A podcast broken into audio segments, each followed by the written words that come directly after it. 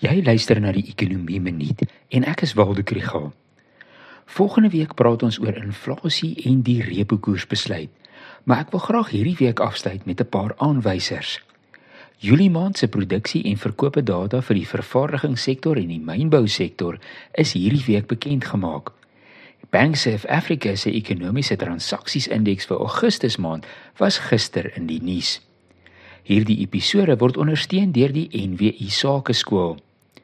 Jaar op jaar het produksie in die vervaardigingssektor met 2,3% toegeneem, gelei deur petroleum, chemiese produkte, rubber en plastiek, asook motorvoertuie, onderdele en ander vervoertoerusting. Dit was egter nie 'n maklike maand nie en waaruit dit gegroei het in Junie maand, het dit in Julie op 'n maand-op-maand basis afgeneem met 1,6%. Produksie in die mynbedryf het jaar op jaar en maand tot maand afgeneem.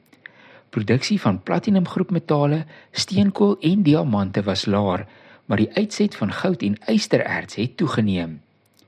Die BT was effens laer in Augustus as in Julie maand met die nominale waarde van transaksies wat afgeneem het vanaf 1210 miljard rand tot 1207 miljard.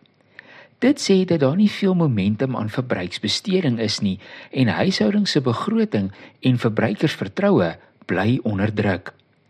Alles saam bly produksie gedemp en die totale vraag is maar pap.